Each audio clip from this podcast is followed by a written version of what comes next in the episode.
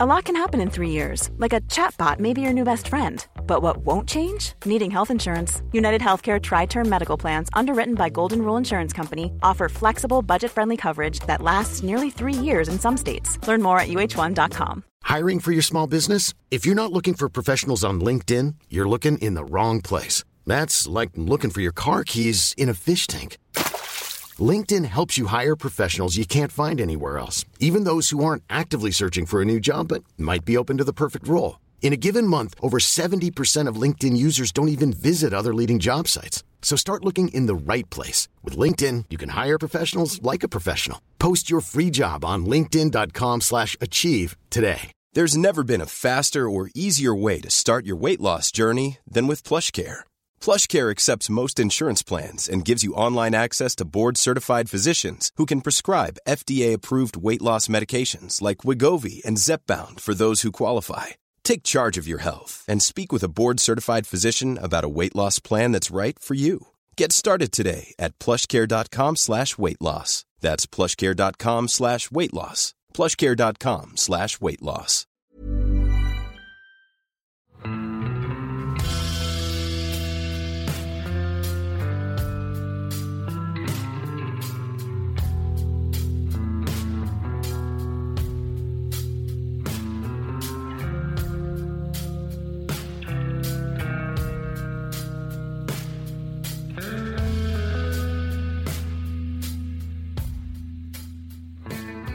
Hei, og velkommen til podkasten Uteliv. Mitt navn er Randulf Valle, og i dag skal vi snakke om et tema som har mye å si for alle oss som er på tur. Vi skal snakke om kroppen i naturen. Hva er det som regulerer om vi fryser, om vi blir for varme, og hvordan er det kroppen vår regulerer temperaturen inn i riktig sjikt? Eh, Med meg til å prate om det her i dag, så har jeg Øystein Wiggen. Du er forsker hos Sintef, men du er også turinteressert, så vidt jeg har fått med meg. Kan du fortelle litt både om måte, yrkeslivet og friluftslivet ditt? Ja, jeg har eh, utdanning innenfor fysiologi. Eh, og så kan man spørre hva er fysiologi? Jo, det er, kroppen, nei, det er læren om kroppens mekanismer. Og eh, da har jeg tatt en sånn masterutdanning innenfor treningsfysiologi, og så har jeg spesialisert meg innenfor eh, eh, temperaturregulering og menneskelig yteevne i kaldt klima. Da. Så jeg tok en eh, doktorgrad på det hos, eh, hos Sinte for noen år tilbake. Det er spennende. Eh, Noen tar doktorgrad på vri på aluminium, eh, andre tar det på eh, menneskets yteevne i, i, i kulde. Eh, Men, men du er også en del på tur sjøl, stemmer det? Ja, det er jo en stor interesse for meg, hele det her. Alt fra turutstyr eh, til det å forstå hvordan kroppen fungerer. Så jeg er ivrig klatrer, jeger, eh, turentusiast på alle året, til alle årets tider, da. Nå er det høst når vi tar opp denne episoden her. Det rusker litt i trærne bak oss. Vi sitter i Trondheim og tar opp en episode, og det er vel et uvær på vei innover landet her akkurat nå. Men før vi sparker i gang dagens tema, så har jeg litt informasjon om podkasten Uteliv til dere. For det her er faktisk episode nummer 59 som blir tatt opp av den podkasten her. Og det er ganske nøyaktig to år siden jeg spilte inn de første episodene. Det har vært riktig moro, og det var artig å passere 200 000 episodenedlastinger for et par uker siden. Men det er klart det er òg en del arbeid å lage en sånn podkast i såpass mange episoder. Og for å være ærlig, så har jeg foreløpig tjent ganske lite på lagen. Eh, hvis man ser veldig eh, strengt på det, så har nok utgiftene foreløpig vært en god del større enn inntektene. Men det er jo noe jeg har valgt sjøl, og eh, det har vært helt bevisst. I starten så har jeg først og fremst ønska å finne ut om jeg syns det var moro å lage podkast, og om noen hadde lyst til å høre på. Og jeg har jo funnet ut at eh, jeg syns det her er moro, og eh, det er tydelig en del som liker å høre på. Og derfor så har jeg lyst til å fortsette å lage podkasten Uteliv framover. Og det ville være litt lettere å få til om podkasten òg kunne bli en del av inntektsgrunnlaget mitt. Så det er noe jeg kommer til å jobbe litt med framover. En ting jeg har gjort, at jeg har oppretta en Patrion-side for podkasten Uteliv. Patrion er en frivillig abonnementstjeneste hvor du kan bidra med et fast månedlig beløp. Jeg har satt opp eh, nivåer på 2, 4 og 9 dollar i måneden. Men dersom du bare ønsker å høre på podkasten som før, uten å eh, bidra med noe som helst, så er det helt greit, bare koselig. Men om du vil bli en Patrion, så vil du få tilgang til ekstrastoff, som kan gjøre at du får større utbytte av en del episoder, og du får naturlig nok mer ekstrastoff jo mer du bidrar med. Jeg tenker på Patrion å publisere digitale artikler med fordypningsstoff knytta til enkelte av episodene. Eh, dessuten så får du hint om episoder som er under produksjon, og en større reell mulighet til å påvirke både temaer og gjester i podkasten. I tillegg så kommer jeg nå eh, snart til å begynne å gi ut ei bok via Patrion. Den kommer til å komme digitalt, kapittel for kapittel. Jeg satser på at det er Tid for å avsløre hva den handler om ganske snart, og jeg tenker at eh, i løpet av en måneds tid så bør det første kapittelet være klar til nedlasting for dem som har valgt å bli patrions. Du finner linken til Patrion i episodeinfo, på podkastens nettside og i sosiale medier. Jeg nevner òg at de 25 første som registrerer seg på nivåene langturkompis eller ekspedisjonsmaker, kommer til å få tilsendt et eksemplar av boka Friluftsquiz, helt gratis. Så ta gjerne en titt innom Patrion. Kanskje du skal gi det et forsøk. Ni dollar er vel omtrent det samme som to aviser i løssalg, eller tre kopper kaffe på en kaffebar. Kaffe er godt, det er helt sant. Men eh, jeg skal i hvert fall gjøre det jeg kan for at du skal få omtrent tilsvarende valuta for penga, minst. Vel, det var reklamen. Da, Øystein Wiggen, tilbake til dagens tema kroppen. Og et kjennetegn ved kroppen er jo at den vil helst ha en ganske eksakt temperatur. Eh, kan du fortelle hvorfor er det sånn? Ja, jeg skulle gjerne sagt akkurat hvorfor eh, vi endte opp på 37 grader. Men det er jo sånn at gjennom hele livet så er det ca. De fleste av oss eh, har pluss-minus to grader. Vi er kanskje opp mot 39. Noen av oss har vært nedom 35 også, kjent på hvordan det er. Men akkurat hvorfor det er sånn, det har vi ikke noe eksakte svar på. Men uh, jevnt over så vet vi jo at 37 grader det er godt over den normale lufttemperaturen av det som er rundt oss. Det gjør at vi effektivt kan avgi den uh, overskuddsvarmen som kommer fra kroppen. Og da har evolusjonen ført oss dit at kroppens prosesser er optimalisert på rundt 37, og vi kan avgi overskuddsvarme, så vi ikke trenger å bruke noe ekstra energi på det. Så uh, det er evolusjonen som har tatt oss dit. Uh, akkurat teoriene for hvorfor, det er litt uh, mer utfordrende å si noe om. Ja, Har vi noen måte i det, og så skiller vi oss veldig fra mange andre dyr, eller er vi liksom et pattedyr som alle andre? Nei, vi er jo litt i samme leia som de fleste andre. Det er vi jo rundt 37 grader, det er jo der de fleste er. Um, og um, ja, teoriene, det kan være så de spenner seg jo litt, ja, men det handler i hovedsak om at eh, det er den mest effektive eh, temperaturen vi har funnet, da, for at vi ikke skal kunne eh, bruke for mye energi på å verken varme oss opp eller må kjøle oss ned da, i forhold til de omgivelsene vi er. Vi er jo et tropisk dyr, så har ikke vi hatt klær og hus og sånne ting, så foretrekker vi jo en eh, ca. 30 grader eh, rundt oss. Men uh, har på en måte alle uh, folkeslag, uavhengig av bosted i verden, samme kjernetemperatur? Altså har på en måte de som bor i Kalahari-ørkenen, samme som inuittene oppe i Nord-Canada? Ja, det, Nå skal ikke jeg gi meg helt eksakt på. Du får noen tilpasninger kan du få i forhold til at du akklimatiserer deg til de omgivelsene du er. Men i hovedsak så tror jeg vi skal forholde oss til at 37 grader er der vi er. Uh, uavhengig av uh, hvor hen. OK, men uh, vi skal snakke litt nå om varmebalansen til kroppen. For nå kommer vi egentlig ned på veldig sånn elementærfysikk. For energi, det oppstår ikke, og det forsvinner ikke. Men det kan gå over fra én form til en annen. Og for å finne ut om man i en gitt situasjon blir for varm eller for kald, så kan man sette opp det som man kaller en energibalanse. Du kan sette opp på en måte hva som gir deg energi, og hva som tar fra deg energi.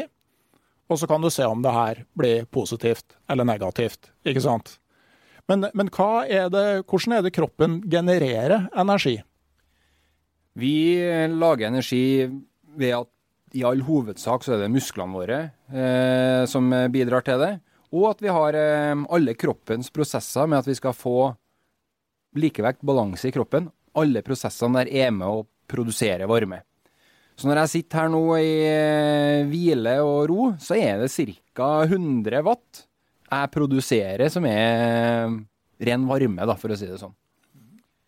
Nesten to gammeldagse lyspærer. Og, og liksom da, et, ettersom energi ikke kan oppstå av seg sjøl, så er det jo altså maten er jo da kjemisk energi, drivstoff. Hvis du ser rent sånn fysiologisk på det.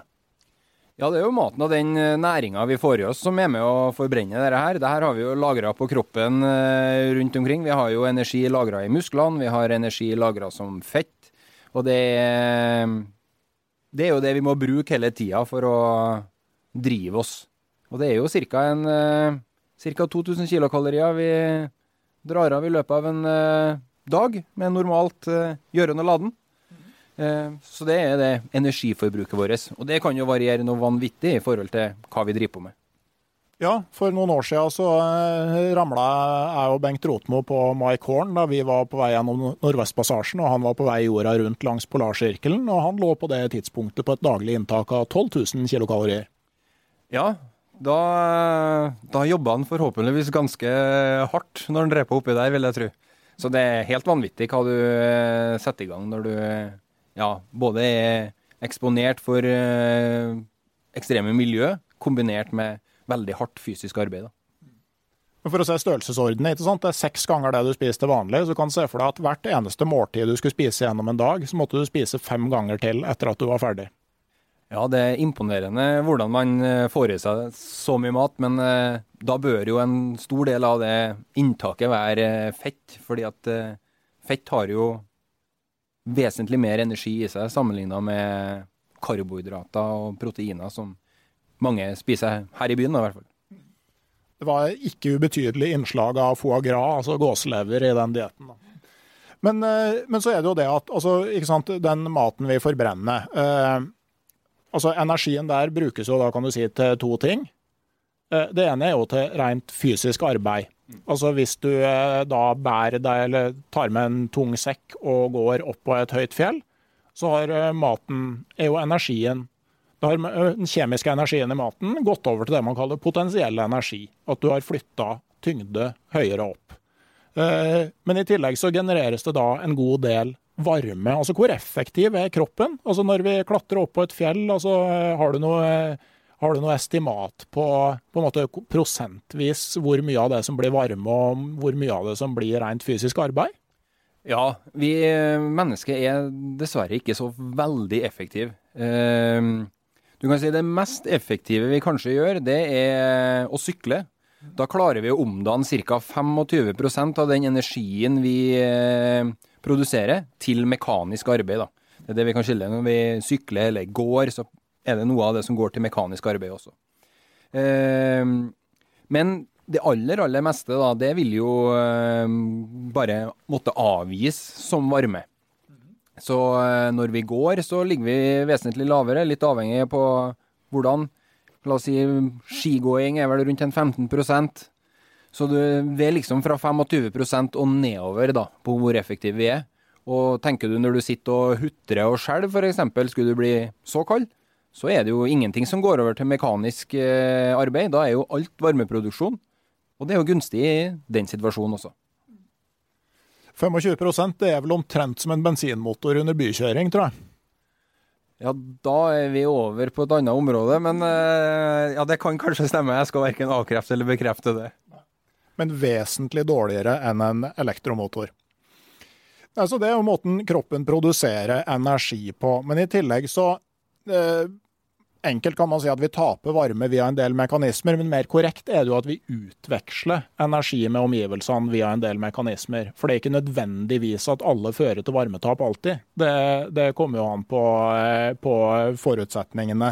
Men jeg tenkte vi kunne gå gjennom de måtene som kroppen da eh, utveksle energi med omgivelsene på. Og så etterpå så skal vi se på litt sånn konkrete tursituasjoner, og se hvordan vi kan forklare dem ut fra den kunnskapen som vi nå får om eh, hvordan kroppen genererer energi, og hvordan den utveksler energi med omgivelsene. For uh, en enkel mekanisme å forstå for varmeoverføring, det er konduksjon. Konduksjon. Da er det jo overføringa av ja, her da et varme fra et varmt legeme over til et kaldt legeme.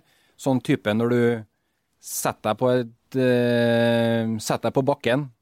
Når du har uh, ingen bevegelse imellom de her to uh, legemene. Sammenlignet også et veldig godt eksempel er jo dårlig liggeunderlag eller ikke noe liggeunderlag når du ligger på, på, på, bakken. Da er det i all hovedsak konduksjon som er den biten som kjøler deg ned da. da. Og, og, det er jo sånn som du sier, at altså, eh, all overføring av termisk energi, varmeenergi, det går kun én vei. Energien går fra et varmt legeme til et kaldere legeme. Og så går varmeoverføringa raskere jo større temperaturforskjellen mellom de to legemene er. Og så vil du i tillegg ha raskere energioverføring jo større kontaktarealet er. Eh, og så er det jo litt interessant at eh, ved all sånn varmeoverføring så er forholdet mellom overflate og volum en ganske sånn viktig eh, faktor. Den, det legemet som har minst overflate i forhold til volum, det er jo ei kule. Og sånn for fysikere, og når du begynner med astrofysikk og sånn, så, så blir jo det meste forenkla til en perfekt kuleform, for da er det enklere å, å regne på det. Jeg husker jeg begynte på kjemi, så var det sånn fast på den der immatrikuleringsfesten, sånn fest når du starter på instituttet, eller på, nei, på, på kjemi, da, om en som hadde ei ku som ikke ville melke.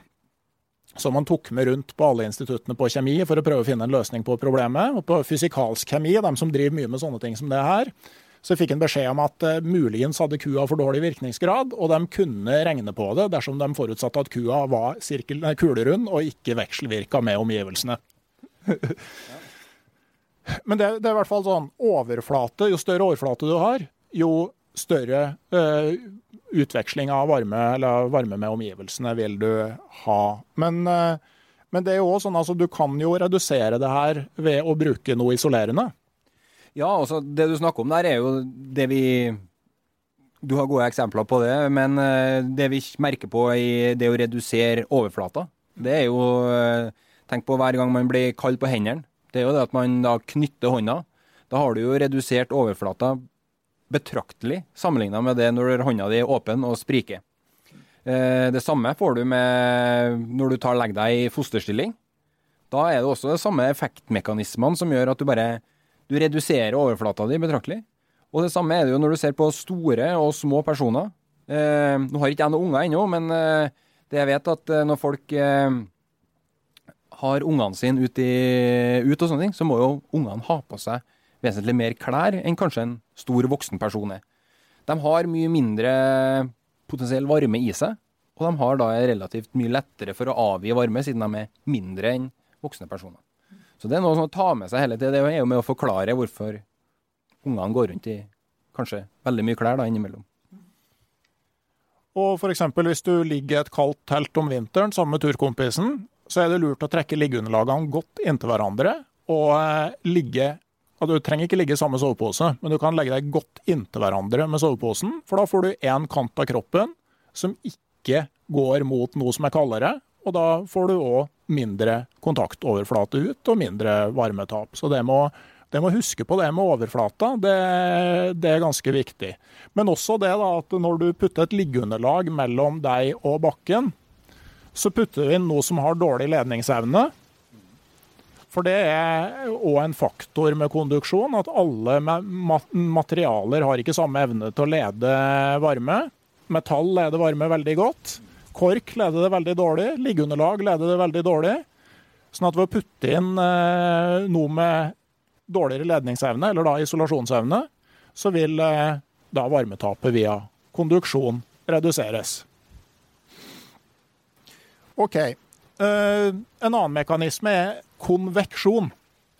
Ja, og da er vi jo over på det som uh, mange kjenner på. Det er jo når du har eh, bevegelse av uh, eh, energi, eller sånn som luft, da, f.eks., eller vann, eller det som beveger seg over eh, i overflate, så får du eh, kjøling med, på den måten. Og det er jo der vi har den her vindkjølingseffekten. Det å stå i ut i vær og vind, det å stå i rennende vann er jo kaldere enn å stå i stille vann og de bitene der. Og da er det konveksjon som eh, foregår.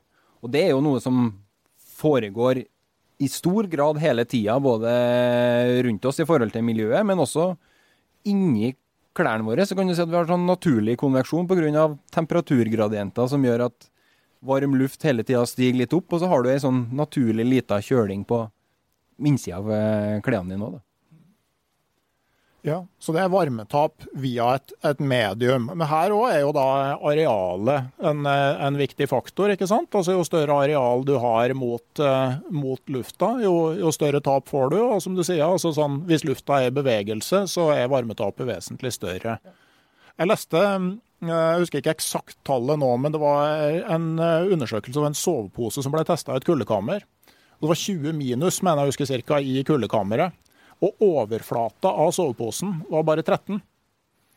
Så det ble liggende et stillestående luftlag oppå posen som tok unna mye av temperaturforskjellen. Og det sier jo på en måte hvor mye hastigheten til lufta har å si. Ja, ja det der er et veldig godt eksempel. Det er jo det som eh, vi ser bare når vi har på oss du, Det er jo fordelen med det å være i et vindstille miljø, og det er jo derfor det er så strenge krav når du skal teste f.eks. en sovepose, eller vi skal teste isolasjonsgraden i bekledning, eller den slags, så eh, er det jo helt vindstille i de, i de rommene.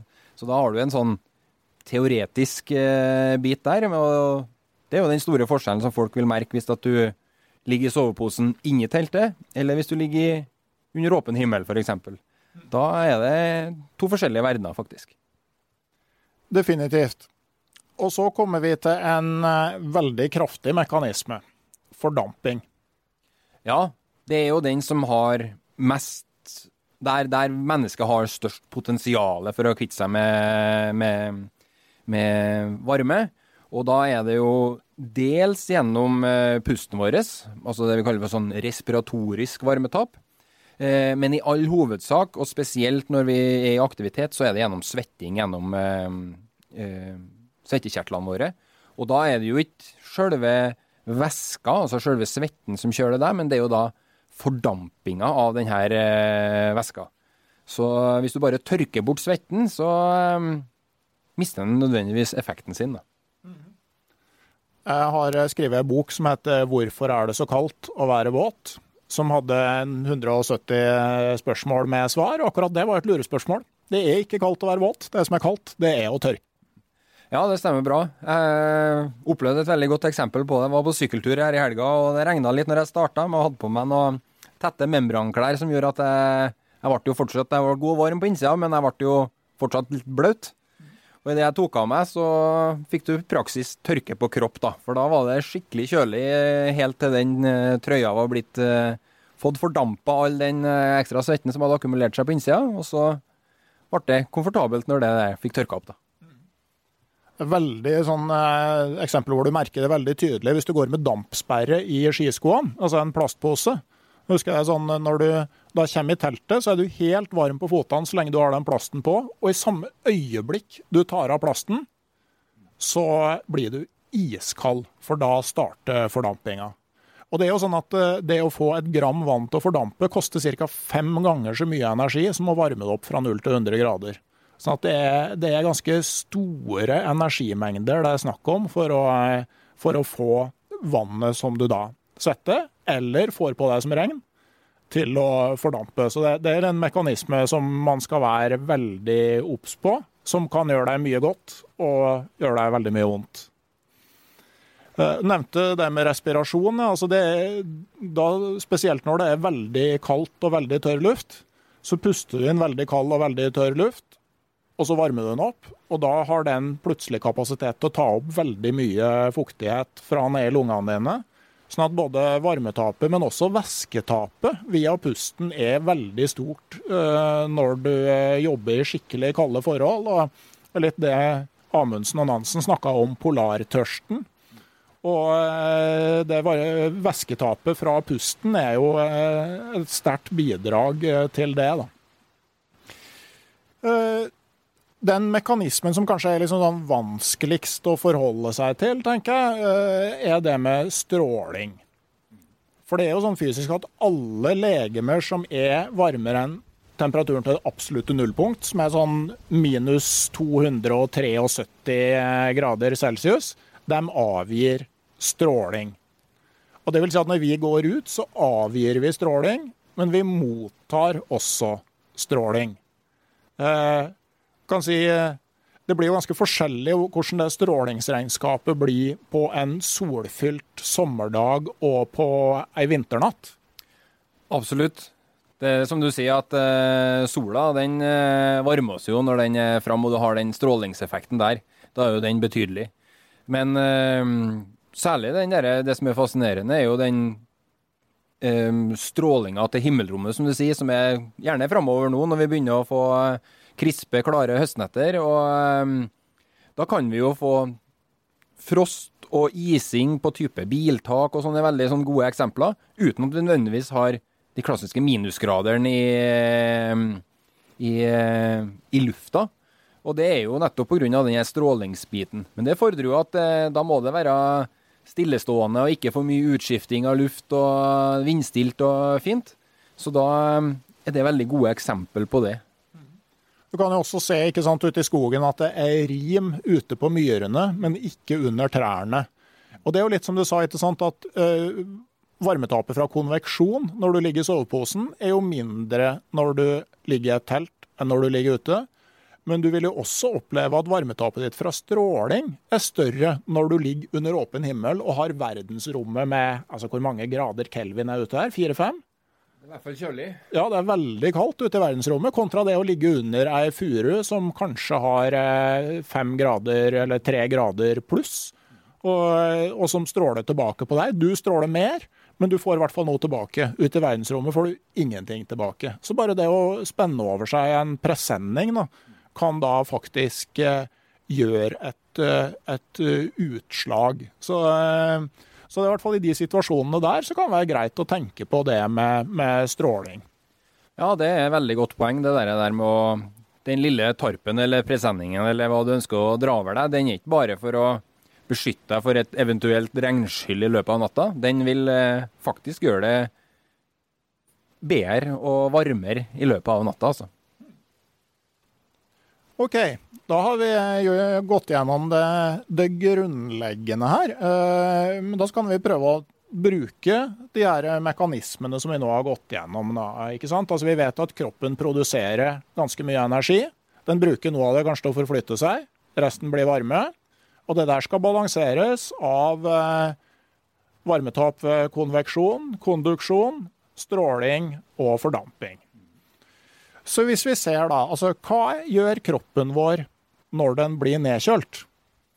Ja, Det første som er jo at eh, vi begynner jo etter hvert å skjelve. Det er jo det de fleste ville ha merka. Eh, før det så begynner du å få bygd opp en liten sånn derre Vi kaller det sånn preskjelving. Det er bare en sånn økt muskeltonus. Eh, muskelspenninger som er med å begynne å generere litt av varme. Eh, og etter hvert så, med mindre du begynner å komme deg skikkelig aktivitet, sånn at du får skaffa deg en overskuddsvarme igjen, så vil jo kroppen din begynne å skjelve vesentlig. Og eh, det vil si sånn tre til fem ganger den hvilemetabolismen din er det potensialet du har for skjelving, da.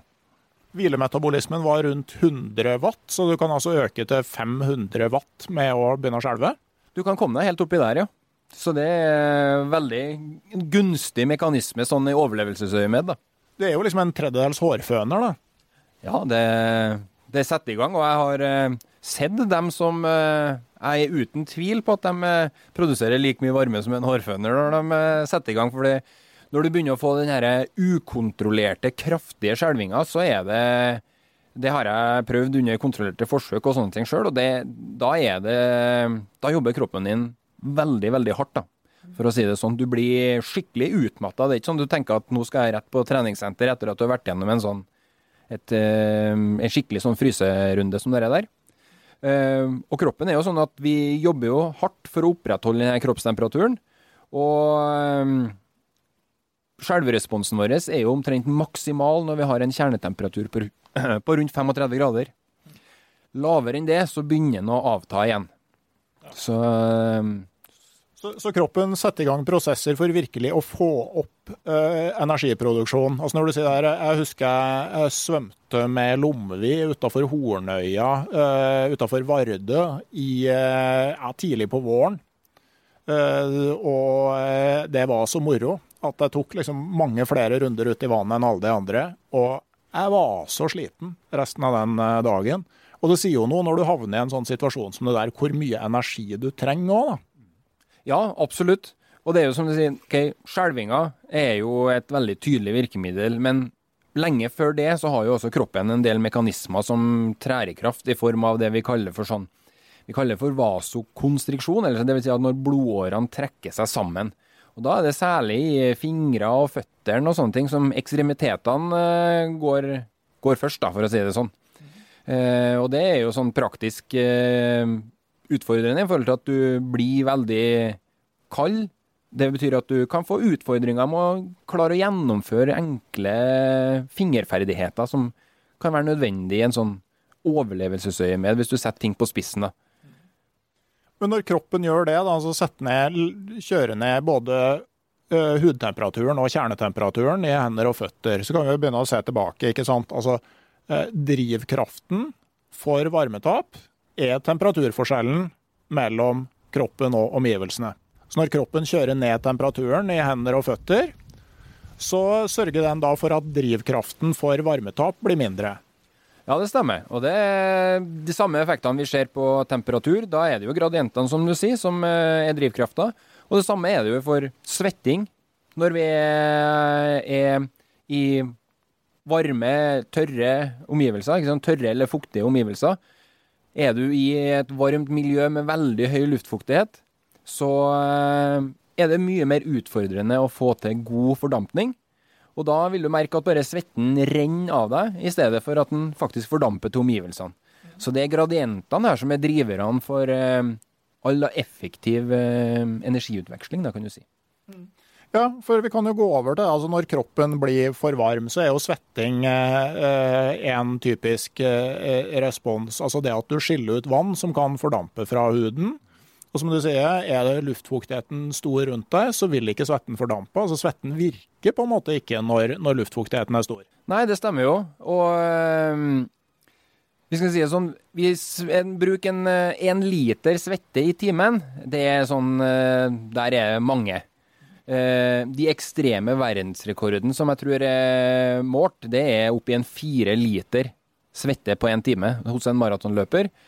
Og eh, en liter svette som har fordampa, det tilsvarer en eh, ja, 600-700 watt med energi. Og det sier jo litt om hvor mye du, hvor effektivt det her potensielt kan være, da. Ja, men uh, ellers òg, altså sånn uh, Er det andre grep kroppen tar når det blir varmt? Altså, du merker jo at du blir rød i trynet når det blir varmt? Ja, Eh, når vi er i aktivitet og, ehm, og sånn, så er det i første omgang så er det musklene som har prioritet på, på, blodet. Blodet transporterer jo oksygen og næring til musklene for at de skal kunne jobbe godt, men det transporterer også varme.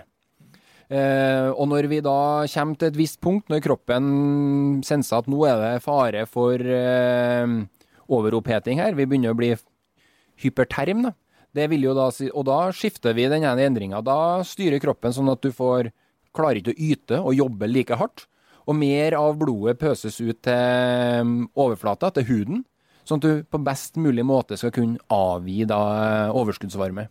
Så det er måten vi klarer å styre det her på. Og kjører du jo det for langt, så sier jo kroppen stopp til slutt. Og da um, svimmer du av. Så egentlig stikk motsatt taktikk, da, naturlig nok, når det blir for varmt. Altså, da trekker man ikke blodet tilbake og senker temperaturen. Da får man temperaturen opp og får blodet ut, sånn at, eh, sånn at du får større energiutveksling med omgivelsene. Jeg var I Forsvaret så var jeg på Forsvarets forskningsinstitutt, og der drev vi med noen sånne forsøk hvor vi gikk med full utrustning og sånn på, på tredemølle. Normalt i kuldekammer, men vi gjorde òg noen forsøk i romtemperatur med full vinterutrustning i et par timer. Og Da var det ganske sånn fascinerende utvikling på eh, hudtemperatur og sånn eh, siste halvtimen av, av, de forsøkene der, altså. Ja, du vil se det at eh, i varme så er jo alt mye mer, eh, mye mer likt, for å si det sånn. Det er mye mindre gradient mellom kjernen din og overflata, mellom huden. Og eh, de eksemplene som du drar fram der, er jo at eh, det er noe av det mest utfordrende og ubehagelige jeg sjøl har gjort av sånn her type testing, det er når at du er i et så varmt miljø du, og du har jobbet hardt, sånn at du ikke får kvitta deg med overskuddsvarme. Det er skikkelig ubehagelig. Tar vi på kuldesida igjen, så kan du jo langrennsløpere som er ute og jobber kjempehardt, de kan jo ha en kjernetemperatur på 38,5-39 grader. Men så kan de ha hudtemperaturer som er i området 10-15 grader. ikke sant? Så da får du en mye større gradient, men da har jo de en vanvittig effektiv eh, nedkjøling, sånn sett. da. Et lite sånn sidespor her er jo å se på hvordan evolusjonen har tilpassa mennesket etter, etter leveområdet. Spesielt å tenke på det her med, med det vi snakka på med areal i forhold til eh, vekt. Altså hvis du sammenligner Nå kom det skikkelig vindkule her òg. Da ble det stort varmetap ved konveksjon. Hvis du sammenligner inuittene oppe i Arktis med masaier f.eks., så, så er det jo måte, så har man da funnet ulike løsninger for å håndtere livsmiljøet man holder til i. Ja, du er Du kan nok se en del endringer på hvordan folk er, og hvordan de har behov for å bevege seg og, og sånn. Men i utgangspunktet så er vi relativt likt. Du, vil finne en del, eh, du kan finne en del tilpasninger, men mye på hvordan de eh, hva det er de faktisk gjør. Eh, en sånn typisk Et studie som man har sett, var på en del sånne japanske perledykkere. Der har man sett på, for de tilbrakt utrolig mye tid med minimalt med beskyttelser i kaldt vann. Og de klarte da å gjøre det der. De fikk en tilpasning på det som var helt unik, dem. da, At de klarte å fungere i kaldt vann, fordi at de eksponerte seg så mye for det. Og det samme er jo for uh, oss som kanskje, hvis du sier Får vi noen tilpasninger her på vinterstid, vi som bor i Norge og det er kaldt og hustrig ut? Mest sannsynlig er det minimal. Uh, vi er jo stort sett innendørs, og vi, har, vi er godt kledd hele tida. Men sånn som, eh, sånn som fiskere som, du, som, kan stå barhendt og greie garn eh, og sånn, er, er, det en måte at du venner deg til å jobbe med fingre som er så kalde, eller er det rett og slett at det skjer noen tilpasninger som gjør at fingrene ikke blir så kalde? Ja, de her får, eh, de får tilpasninger, en del fiskere og sånne ting, som er eksponert veldig mye kaldt. Vi har jo, sånn fysiologisk sett, så har vi i fingrene så har vi noe som er kalles for sånn kuldeindusert vasodilatasjon. da. Eh, og det er litt sånn eh, motstridende, kan du si, for normalt så vil jo blodårene trekke seg sammen når vi blir kalde. Men det her eh, det kalles også sånn jaktrefleks, eller det er jo en sånn overlevelsesmekanisme som vi har, at når vi blir kalde nok på fingrene, så plutselig så flusher vi ut varmt blod for at vi skal opprettholde fingerfunksjonaliteten. og hos fiskere og sånne ting så er nok denne her litt forsterka. Eh, og man ser jo at de får jo servert varmt blod ut i fingrene, sånn at de ikke får frostskader eller kuldeskader som du kan få sjøl om du ikke får fryse vevet. Hvis vi ser videre på det med effektive kuldegrader. Altså, det er jo ikke bare noe som er utvikla for at eventyrere skal få turene sine til å høres tøffere ut. Altså, det, det, er jo faktisk en, en, en, en bra begrunnelse. Altså, for det var jo, så vidt jeg vet, amerikanske forsvaret som Eh, ville på en måte ha en mer sånn pålitelig, et mer pålitelig mål på hvordan risikoen for eh, frostskader og nedkjøling egentlig var, da, enn det bare termometeret kunne gi. Men, men den, de effektive kuldegradene inneholder jo egentlig bare to parametere. Det er temperatur og vind. Ja, det stemmer. Det er temperatur og vind. Og um, som du sier, det er jo et verktøy som er laga for å si noe om risikoen for å få frostskader. Eh, men den brukes jo mye mer omfattende enn det, ikke sant? med at folk eh, ja, sier noe om hvor ekstremt turene sine var. Men det brukes jo også som en sånn veileder for folk som skal ut og jobbe, og hvor kaldt er det faktisk, og sånn. Men i all hovedsak så er det risikoen for frostskader på eksponert hud. Og det er viktig å si, da. Dekker du til all huden din, har på deg skibriller og ansiktsmaske, så eh, er, det, er den ikke like relevant, for å si det sånn. Men du vil vel òg oppleve, altså når vinden blir sterk, at klærne dine mister en god del av isolasjonsevnen? Ja, definitivt. Eh, og vind kan ha en voldsom effekt, litt det som vi snakka om tidligere her, hvordan du skifter ut det omgivelsene. og Studier har vist at du får eh, nesten 50% reduksjon på den eh, faktiske isolasjonen da, av, det, av eh, bekledning. Både pga. hvordan ting komprimeres, og eh, hvordan lufta skiftes ut og endres pga. vind. Så ja, vind har definitivt mye å si. ja. Og det er jo det der varmetapet ved konveksjon som vinden får til å øke. Og Det interessante er jo at den, den eh, skalaen for effektiv kulde, altså vinden har størst effekt når det går fra null til lite grann. Altså Når det går fra stiv kuling til full storm, så, er, så faller det ikke på langt nær så mye. rett og slett For da er det der beskyttende luftlaget du har rundt kroppen så ødelagt allerede at litt mer vind har liksom ikke den helt store påvirkningen. Men det sier altså de effektive kuldegradene sier jo på en måte veldig sånn direkte noe om hvor fort du blir kjørt ned til lufttemperaturen. da.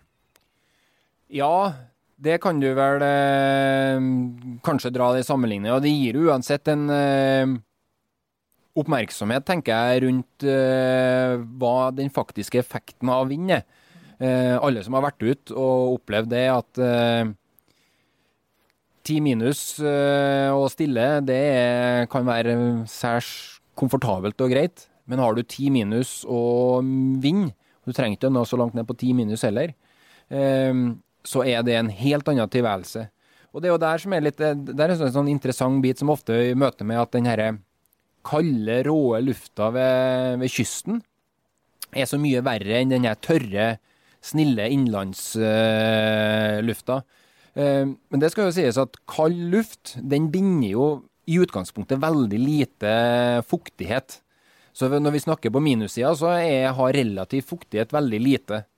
Og det er faktisk gjort et uh, studie på akkurat det som så på Da var det jo avkledde mennesker, uh, altså nakne mennesker. Uh, hva foretrekker de? Foretrekker de et kaldt og fuktig miljø, eller foretrekker de et kaldt og tørt miljø?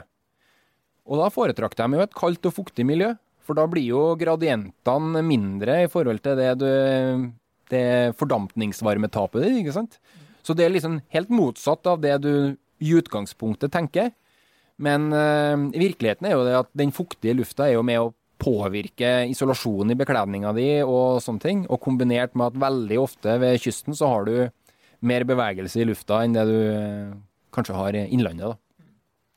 Ja, Eh, men så er det jo det at det de effektive kuldegradene ikke tar hensyn til, det er jo hvis lufta er overmetta av fuktighet. Altså enten i mildeste versjon som tåke, eller rett og slett at det regner.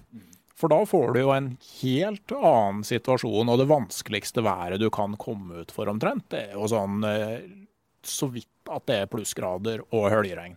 Ja, det er definitivt. Eh, nullføre med vann og vind og den biten der er det mest utfordrende. Og da er det den eh, kombinasjonen av alt dette her, hvordan eh, vinden er med å skifte ut all den potensielle stillestående lufta som er rundt deg. Den komprimerer og pakker sammen eh, klærne dine. Det samme gjør jo fuktige klær, som gjør blir tung. Det tetter seg rundt kroppen din.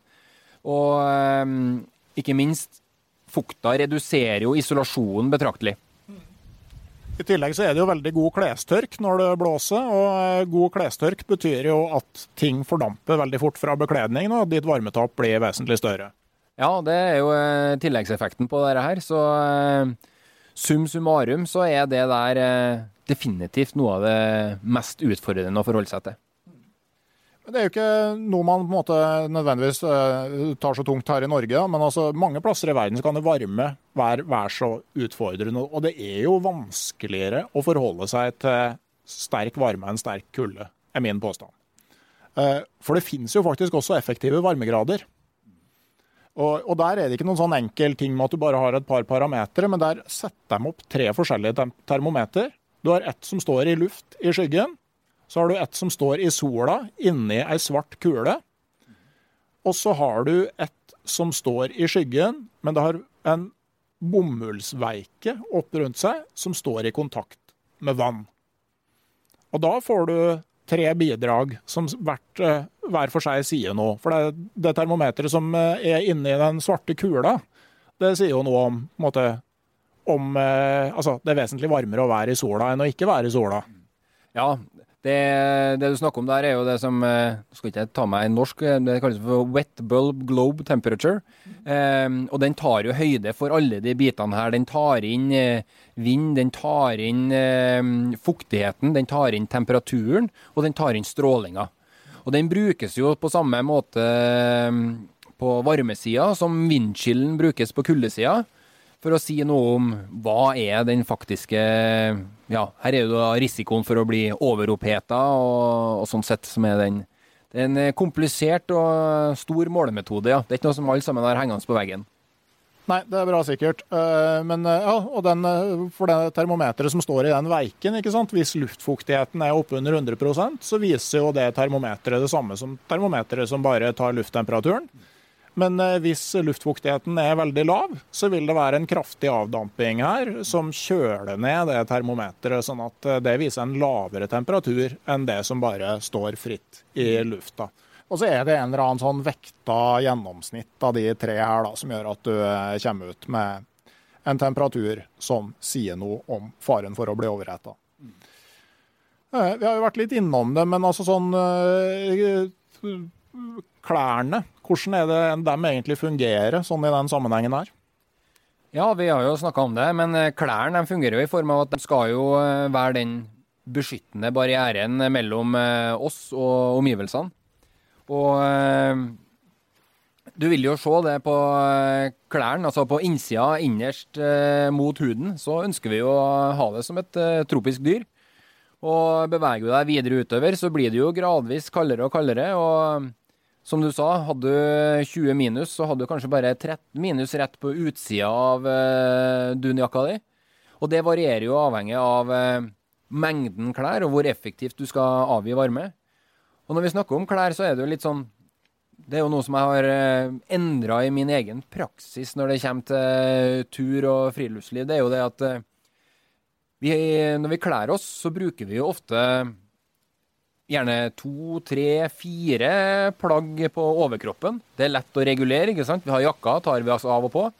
Men på beina så eh, ser vi bare en eh, Ja, kanskje du drar på en stillongs på de kaldeste dagene. To lag, maks. Og det betyr at eh, det vi har sett i studier og sånne ting, er at varmetapet fra beina er fort over 50% av det vi fra, fra kroppen vår. Og det kan forklares med at vi er skrudd sammen sånn at vi har fem, færre sånne temperatursensorer i beina. Noe som gjør at vi, vi føler oss ikke like kalde på beina. Eh, men varmetapet er fortsatt betraktelig. Så um, endringa mi er enkelt og greit at uh, så lenge du skal ha sånne perioder med stillesitting, altså uh, har vi vært ute og klatra, og du skal stå på standplass i en lengre periode, eller jeg skal sette meg på på post eller noe sånt, så har jeg med meg ei litt tynnere dunjakke, men jeg har tatt med meg en eh, eh, sånn isolert eh, bukse som jeg drar på meg på samme måten som jeg har på meg jakka. Og det gir en veldig god effekt for eh, Hva skal jeg si Den totale temperaturbalansen, da. Så det er et, et, tips der, da, det er jo altså hvis du syns det er sånn på tur at det er prakkete å ta av seg buksa for å ta på mer under, det er jo da et veldig billig plagg, er Forsvarets Anna. Det er ei bukse som du da liksom du bare trekker ytterbuksa ned på knærne, og så kan du kneppe på deg ei sånn knelang isolasjonsbukse og trekke buksa opp igjen.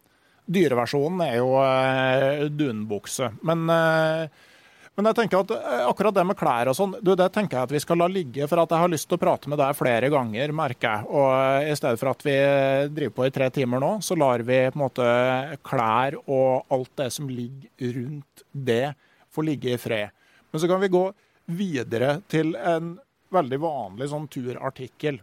Eh, fjellduken. Og hvordan fungerer den?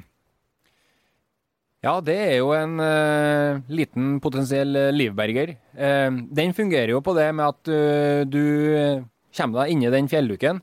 Du skaper jo da et lite mikroklima. Du reduserer vindkjølinga. Du Og du reduserer ikke bare vindkjølinga, men du reduserer jo også den potensielle fordampninga inni der. For at du metter jo gjerne, hvis du er litt bløt og kald, så metter du jo den lufta inni der, sånn at du reduserer alle de her varmetapsmekanismene. Og eh, du sitter jo inne der og hutrer eller er god og varm, og fanger inn den overskuddsvarmen som eh, ville bare gått ut i omgivelsene, da. Og Det der er ganske viktig å forstå. ikke sant, at Hvis du er blitt våt altså Det beste er jo så klart å skifte til tørre klær. Men det nest beste det er å sørge for at du ikke begynner å tørke. Ja, det stemmer. Og eh, da kommer jo det her eh, dampsperrene inn. Eh, jeg vet jo det finnes en del ekstreme eksempler på dem som sover i dampsperrer og sånne ting. Men det vi bruker det, og har brukt det nå i det siste, er jo å se på hvordan man behandler mm, og pakker inn kalde pasienter eller kalde personer når du kommer f.eks. til et skadested. Og da er det å få dampsperrer rett inn på om du har på deg blaute klær og sånne ting. Så ja, du bør kanskje kutte de blaute klærne, men uansett om du da har litt fuktig kropp og sånne ting, bruk plastikk og få tetta det der rundt. Da er du liksom ekstremutgaven av eh, å begrense fordampningsvarmetapet, da. Men det er jo nettopp det fjellduken gjør. ikke sant? Altså Fjellduker skal ikke lages i pustende materiale. De skal være eh, damptette. Sånn at du, når du kryper inn der med våte klær, så damper det av klærne dine til lufta er metta med vanndamp, og så slutter det. Og da slutter også varmetapet fra fordamping. Så det er en eh, viktig greie med fjellduken. Men når vi går over til, til soveposen, da, altså den er jo ikke tett som fjellduken. Men den òg er jo da en sånn isolerende barriere som begrenser varmetap. Ja, og det er um, akkurat samme prinsippet, men som du sier, den uh, hva skal jeg si, Det er feil å bruke ordet puste, men den slipper i hvert fall uh, potensialet for å slippe fuktighet eh, Du ligger jo der og småsvetter litt, om du har på deg litt fuktige klær, så slipper jo den litt eh, ut. Og eh, den skal jo da også begrense varmetapet ditt rundt. Den lager jo ikke noe varme, en sovepose, men soveposen den holder på den varmen du produserer.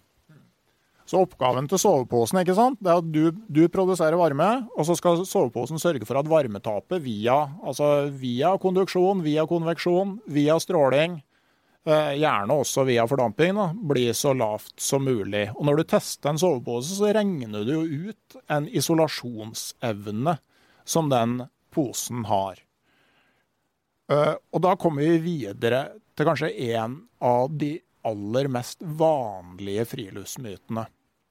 Når du skal sove i sovepose, så må du ikke ha på deg for mye klær. Den har jeg sett mange ganger, også nå i sommer.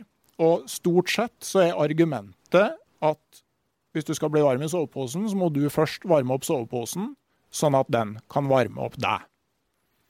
Da eh, begynner vi med litt sånn nybrottsarbeid innen fysikken her, tror jeg. Ja, det skal godt gjøres. og jeg har uh, hørt den der, der og har uh, tenkt litt på det sjøl. Og hva, hva, er årsaken faktisk til denne biten her, da? Min tanke er jo litt sånn I utgangspunktet så er det ikke noe feil å ha på seg mer klær. Men det som du kan risikere, er jo at en sovepose kan bli for trang. Og det at du da begynner å konkurrere om den herre gode, varme, isolerende lufta. Eh, med at du eh, presser inn mer og mer plagg. Du presser inn sånn at du kan skape noe form for eh, kuldebrue eller noe sånne ting. Men i utgangspunktet så det å ha på seg mer klær, ha på seg dundresen nedi posen, det ville jeg i utgangspunktet jeg gjort hvis jeg hadde en litt tynn pose, i hvert fall. Ja, for jeg tenker hvis du på en måte ser på ekstremversjonen, at du skal sove ute ei vinternatt, og så har du en dundress og så har du en sommersovepose, så ville de aller fleste være enig i at det er lurt å ta på seg den dundressen før du kryper i sommersoveposen. Uh, og da blir det for meg veldig vanskelig å forklare at det ikke skal bli varmere av å ha på seg uh, ekstra undertøy. Og det er jo gjort uh, bl.a. amerikanske studier på det med sånn accessories, altså tilleggsprodukter i sovepose, hvor det å ta på seg mer klær gir bedre isolasjonsevne.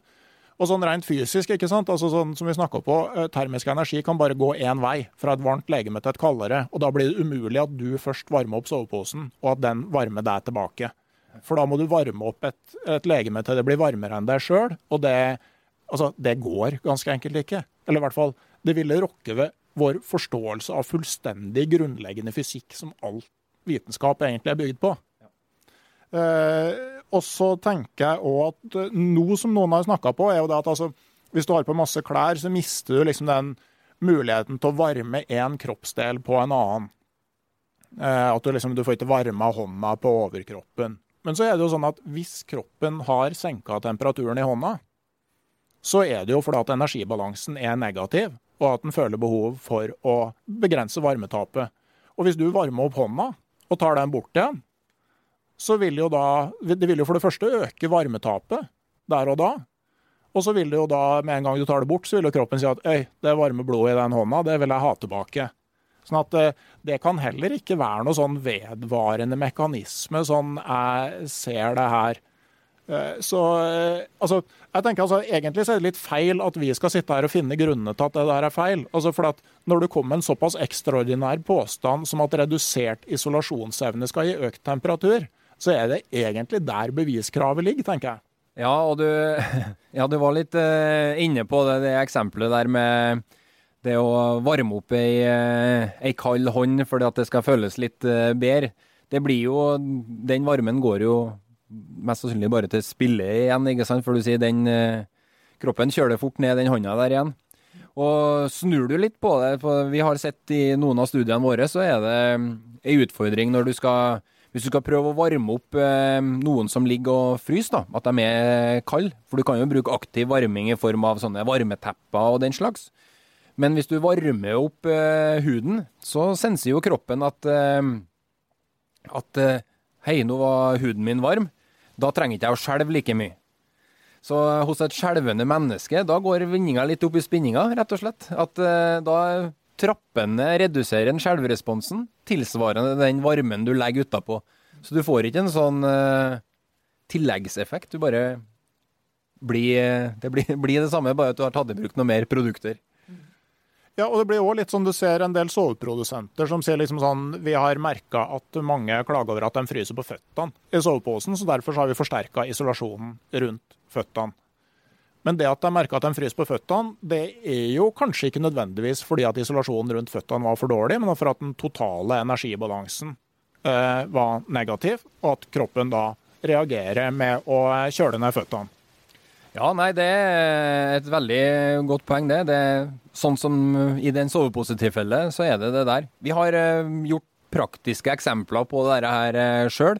Hvor vi har, uh, når vi har testa ut en del sånn overlevelsesdrakter, så ser vi jo at da er utfordringa at man blir så kald på fingrene, ikke sant? For at kroppen kutter jo blodstrømmen. Og jeg har prøvd mye forskjellige metoder for å se om klarer vi å å få hendene varme med at vi øker isolasjonen, vi prøver å blæse inn varm luft, vi prøver mye forskjellig. Men eh, til syvende og sist så må du bare lage den drakten litt varmere. For at eh, det hjelper ikke hvor mye det er. Den vasokonstriksjonseffekten den er så kraftig at eh, ha på deg, ha på deg en litt tjukkere pose hvis du fryser på føttene. Det kan godt hende at et bedre liggeunderlag er bedre enn mer isolasjonsevne rundt føttene. Ja, det må sies at uh, de testene som gjøres på uh, soveposer når de skal godkjennes, da har jo den herre uh, mannekengen eller den dukka på seg et lag med ullundertøy, og den ligger på state of the art eh, liggeunderlag. For soveposen på undersida, den blir jo helt eh, flatpakka. Og eh, det er et godt liggeunderlag, det er det vanvittig mye hjelp i. Og faktisk på de aller tynneste sommerposene, så, så er det der bidraget fra det ullundertøyet det er en virkelig vesentlig prosentvis andel av isolasjonen til hele posen. Sånn at øh, hvis du tar av deg, hvis du står på ditt og ikke vil ha klær i posen, ja, da har ikke posen plutselig de temperaturgrensene som den eh, skulle hatt, for den er målt med et ganske robust eh, sett undertøy på dokka. Men jeg har jo tenkt litt, altså, hvor kommer den myten med at det blir varmere hvis du tar av deg klær? Altså, kan det være rett og slett at noen har krypet i soveposen med masse våte klær, og så har de tenkt, liksom, så har de vrenga av seg det her og fått på seg ett tynt, tørt sett, og så ble det bedre?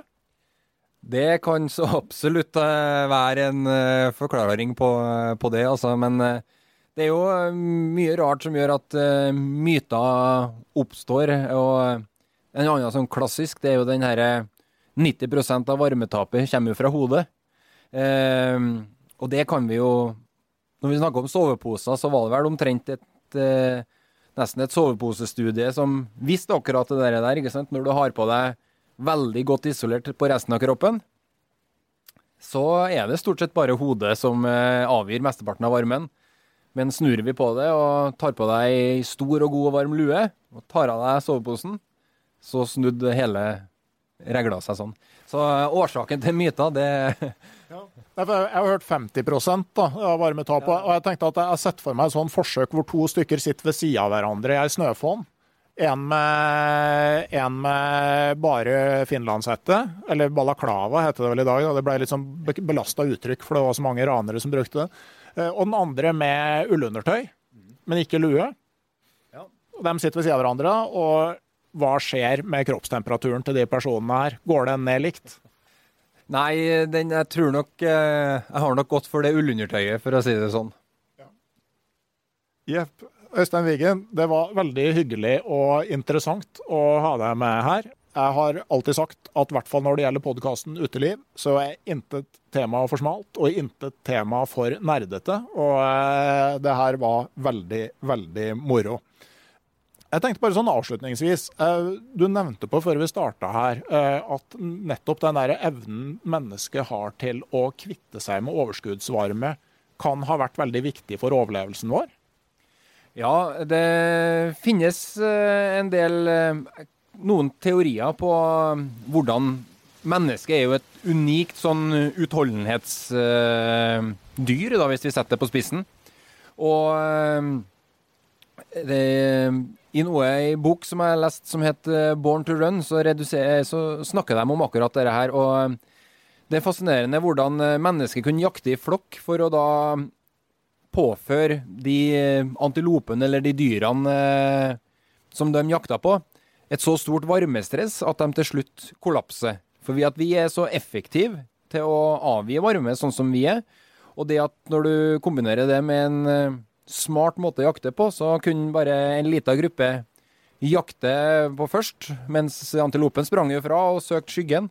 Men idet den gikk i skyggen, så kom en ny gruppe inn. Og sånn drev de på, helt til da de herrene som springer ekstremt fort, de går også veldig fort varm. Mens vi er utrolig utholdende og kan ha vanvittige utholdenhetsprestasjoner i varme miljø. da. Ikke prøv det her på elgjakta nå i høst. Men eh, da tror jeg kanskje det skal bli siste ord. Vår evne til å kvitte oss med varme kan være det som har gjort at vi fikk eh, mat på bordet. Eh, nå utover høsten så kan det kanskje av og til eh, føles litt mer ubehagelig. Men ta på deg stillongs og ulltrøye i tillegg til lua. Og ikke ta av deg alle klærne i soveposen når du fryser. Og ikke kjøp deg en pustende fjellduk. Er det tre greie oppsummeringer? Jeg tror at elgjakta kan bli litt uh, mer komfortabel da. Det er gode prinsipper å ta med seg utover høsten og vinteren. det der. Da sier vi takk for oss eh, her fra et eh, litt sånn vindutsatt høst-Trondheim. Ta en tur innom Patrion, følg link i episodeinfoen, og se om det her kan være noe for deg. Hvis ikke, så kommer det en ny episode av podkasten Uteliv om ei uke. Ha det bra.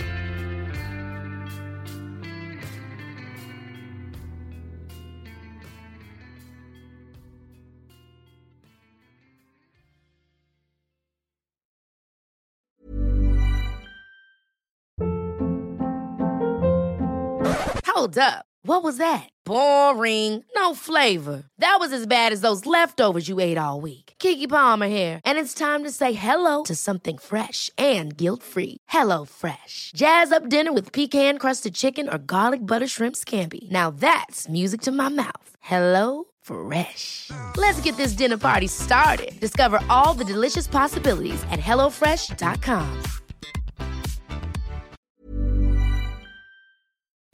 Hei, jeg heter Nore Helligsen og er daglig leder i Barents Outdoor. Det beste vi kan gjøre for planeten, er å redusere forbruket vårt og få mer ut av det utstyret vi allerede har. Men vi vet av erfaring at bruken av telt kan endre seg over tid. Det teltet du kjøpte for to år siden, passer kanskje ikke det behovet du har i dag. Derfor har vi i Barents etablert en egen panteordning der vi tar imot brukte telt av god kvalitet i innbytte når du kjøper et nytt av oss. Prosessen er enkel. På barentsoutdoor.no gir du oss informasjon om teltet du vil bytte inn. Basert på det får du et tilbud fra oss som gir deg rabatt på ditt neste Barentsprodukt. Mer info og betingelser finner du på barentsoutdoor.no. Og husk at den første reparasjonen på produkter fra Barents er alltid gratis.